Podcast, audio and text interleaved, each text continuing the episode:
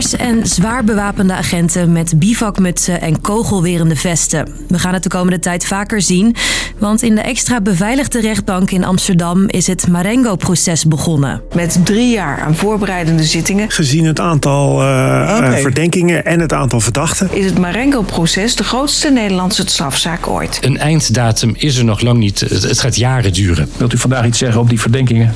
Vooralsnog heb ik nog niks te melden. Het Marengo-proces gaat om Ridouan Taghi, de man die je net als laatste hoorde, en 16 andere verdachten. Waarvan worden zij beschuldigd? Oftewel, wat moet jij weten over deze zaak? Ik ben Maxime en ik leg het je uit. Lang verhaal kort. Een podcast van NOS op 3 en 3FM. Oké, eerst even die naam Marengo. Dat betekent niks spannends. Het is een door de computer gekozen naam en verwijst naar de textielstof Marengo.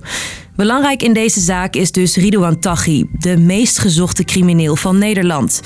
Tot anderhalf jaar geleden. Vanmorgen heeft onze korpschef het verlossende telefoontje gekregen van de korpschef van Dubai dat Redouan T. is aangehouden in Dubai. Een dedicated opsporingsteam van ongeveer 100 rechercheurs en specialisten van de landelijke eenheid werkte meer dan een jaar dag en nacht aan de opsporing van deze voortvluchtigen. Dit is voor alles en iedereen die bij misdaadbestrijding in Nederland betrokken is eh, enorm goed nieuws. Politie dus blij, justitie blij, maar er worden natuurlijk wel vaker drugscriminelen opgepakt.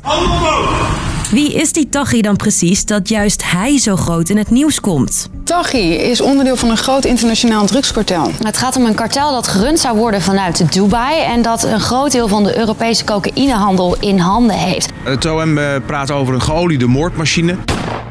Kopstuk in de cocaïnehandel en opdrachtgever van een reeks liquidaties. Zo wordt Taghi dus gezien.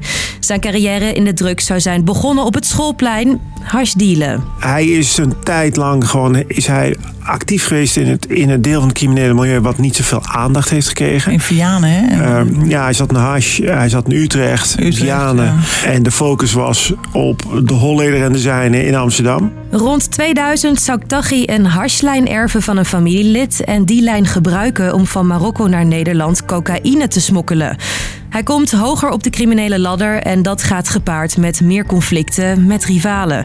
Volgens het Openbaar Ministerie probeert Taghi die rivalen soms te laten vermoorden.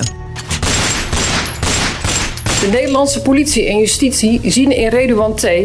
als de verdachte die aan het hoofd staat van een omvangrijke internationale criminele organisatie die zich richt op grootschalige internationale drugshandel. Je weet nu wie Taghi is en hoe hij zo'n grote crimineel zou zijn geworden. Nu meer over de rechtszaak en de rest van de bende. Want zoals ik in het begin van deze aflevering al zei, zijn er nog 16 verdachten in het Marengo-proces.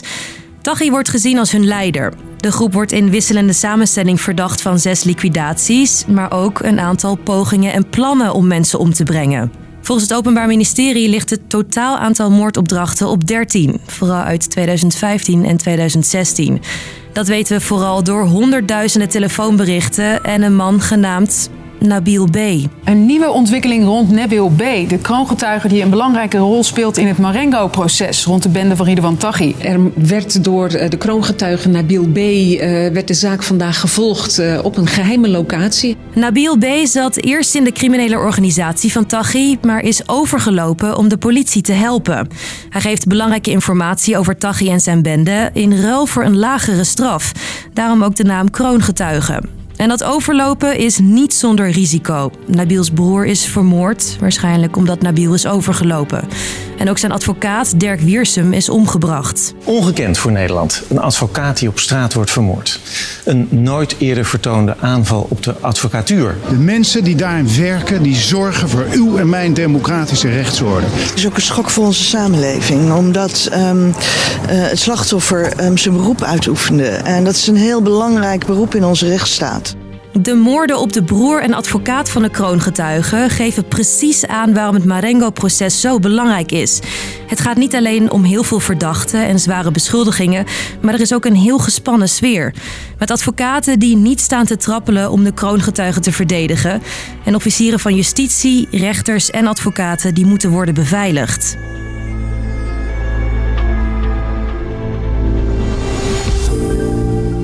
Kort, het Marengo-proces is van start gegaan. De grootste Nederlandse strafzaak ooit met 17 verdachten en beschuldigingen over liquidaties en moordpogingen. Kookbaron Ridouan Taghi wordt gezien als de leider van de bende.